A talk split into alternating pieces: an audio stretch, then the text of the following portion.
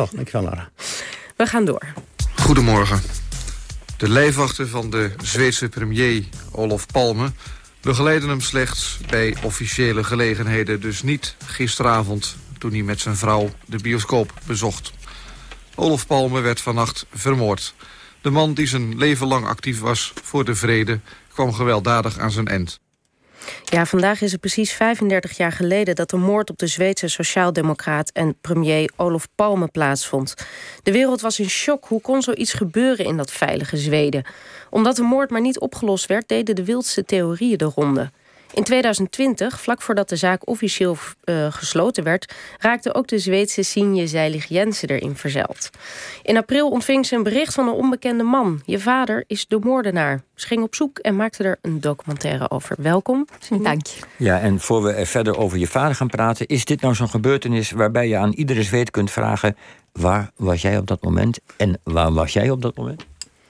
Dat is zeker zo'n moment. Iedereen kan daar een antwoord op geven. Het is een beetje vergelijkbaar met de moord van uh, Kennedy in Amerika. Uh, ik kon het niet geloven toen ik het hoorde. Ik was toevallig in Nederland, want ik ben uh, uitwisselingsstudent geweest uh, in Nederland. En ik was op bezoek bij mijn gezin waar ik gewoond had, een jaar. En het was krokusvakantie, dus ik was in Nederland en ik werd wakker. En iemand in het huis zei tegen mij van, jullie premier is vermoord. En uh, ik geloofde het niet. Ik geloofde het eigenlijk ook niet uh, toen ik het op het nieuws daarna hoorde. En het heeft heel lang voor mij geduurd voordat ik het kon accepteren eigenlijk. Maar het was een enorme shock, uh, ook internationaal. Maar Palme was al wel langer mikpunt van veel haat, nationaal en internationaal. Ook. Waarom was dat? Ja, dat is, een, uh, dat is een heel interessante vraag en ook niet zo snel te beantwoorden. Ik denk dat hij een hele aansprekende politicus was, een heel charismatisch, uitgesproken in veel opzichten. Hij was zelf dus uh, premier vanaf 69, bijna onafgebroken tot zijn dood. En um, hij, was, hij kwam zelf uit een uh, aristocratische, aristocratisch gezin.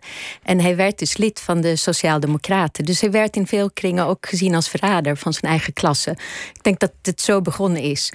Maar zoals ik ook zei, het was iemand die heel verbaal was en heel competitief ingesteld was in politieke debatten. En dat maakte hem volgens mij ook in, veel men, in de ogen van veel mensen arrogant.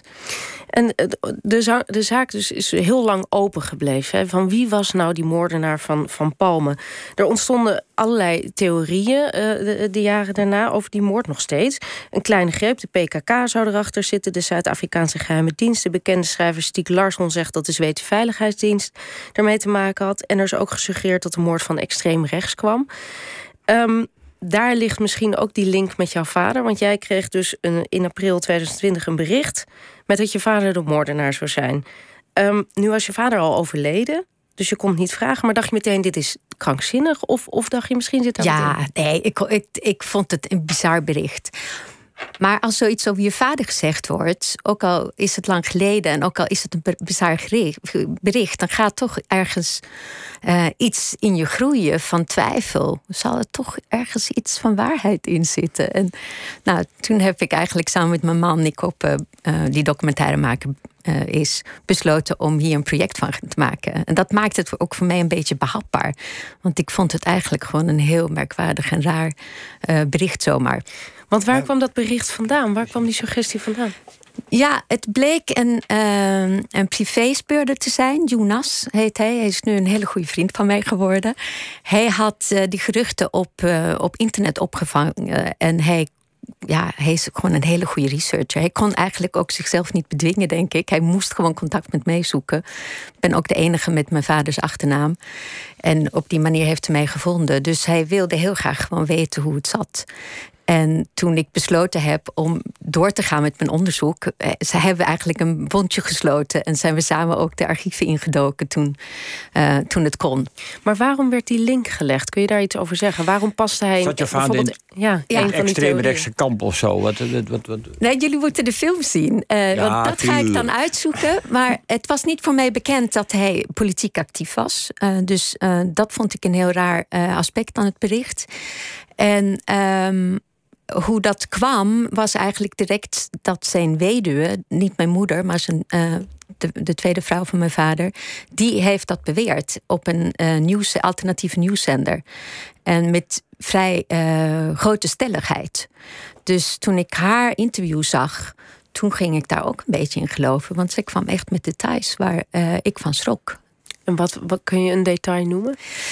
Nou, hij, uh, mijn vader werkte in die tijd op IJsland. Hij was uh, leraar op een kostschool. Uh, en zij woonde in Stockholm met hun kind. En zij zegt dus dat hij de dag na de moord plotseling thuis kwam. En dat hij zijn snor had afgeschoren. Mijn vader had een, nog een markante snor. Uh, dus zo'n detail, dat gaat dan bij mij als dochter een soort alarmbel doen rinkelen. En hij uh, heeft ook iets verstopt op zolder.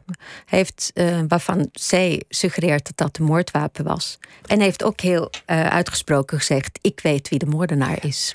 Maar even nog tussendoor, want ik zou denken: is het dan zo dat elke keer als jullie een boterham gingen eten of knekkenbreud, weet ik veel wat, dat je vader zat te mopperen over die, die palmen? Ik bedoel, haatte hij palmen of zo? Wat is de enige reden om dat.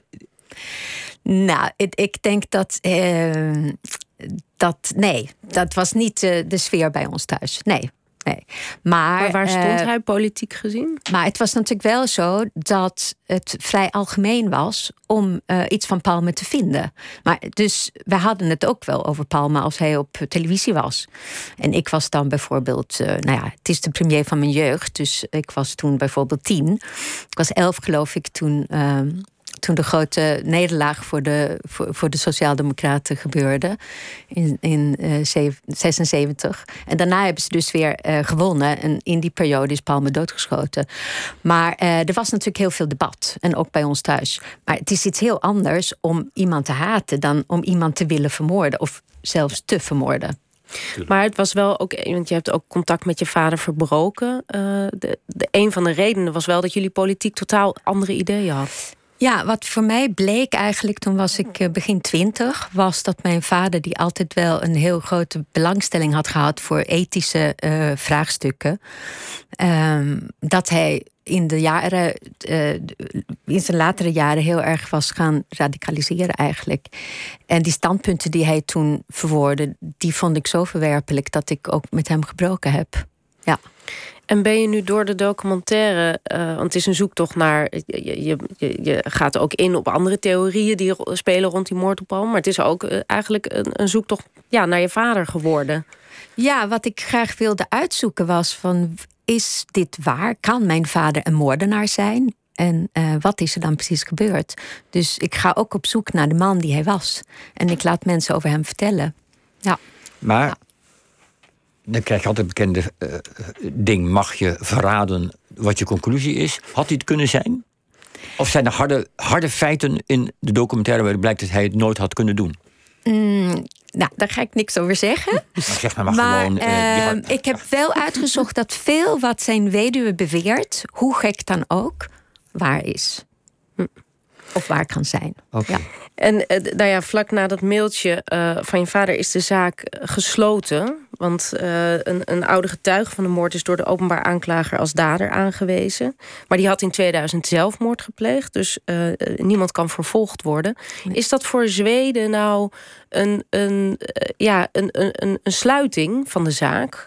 Of spelen er nog steeds allerlei theorieën? Nou, ik zat nu te wachten hier uh, in de hal voor dit programma. En ik las de Zweedse krant. En daar is, vandaag is natuurlijk de, de sterfdag van Olof Palme. Het is 35 jaar geleden dat hij vermoord werd. En er is een hele grote ingezonden uh, opinieartikel in de Zweedse kwaliteitskrant Dagens Nyheter van 19 mensen die eigenlijk graag willen dat de zaak weer geopend wordt. Dus het leeft nog steeds, omdat uh, ja, de, de, de oplossing gewoon die, die gepresenteerd is door de openbare aanklager in juni. Uh, geen hout snijdt eigenlijk. Er is geen nieuw technisch bewijs. En Stieg Engström, die als dader wordt aangewezen, als vermoedelijke dader wordt aangewezen, is dus dood. Dus er kan ook geen rechterlijke proces gehouden worden. Uh, wat je ook kan denken, vinden dat dat ook niet kluis is om iemand uh, aan te wijzen en vervolgens ook geen technisch bewijs hebben en de zaak sluiten. Dus er zijn heel veel mensen in Zweden, inclusief mensen die zich daar goed in verdiept hebben, die eigenlijk vinden dat de zaak weer geopend moet worden. En niemand begrijpt waarom het dicht moest. Want er waren dus geen, eigenlijk geen reden toe. Uh, dus wie weet, wordt het weer geopend, de zaak. En, en wordt je vader dan ook onderzocht? Jos, kijk Wie zullen het zien? Kijk, kijk dinsdag naar dat documentaire, dan weten jullie meer. Goed, hartelijk dank Sienje Zeilig Jensen. Samen met Nick Koppen maakt hij de documentaire Palme, Papa en ik. Goeie titel. En die wordt dinsdag uh, inderdaad uitgezonden op NPO 2.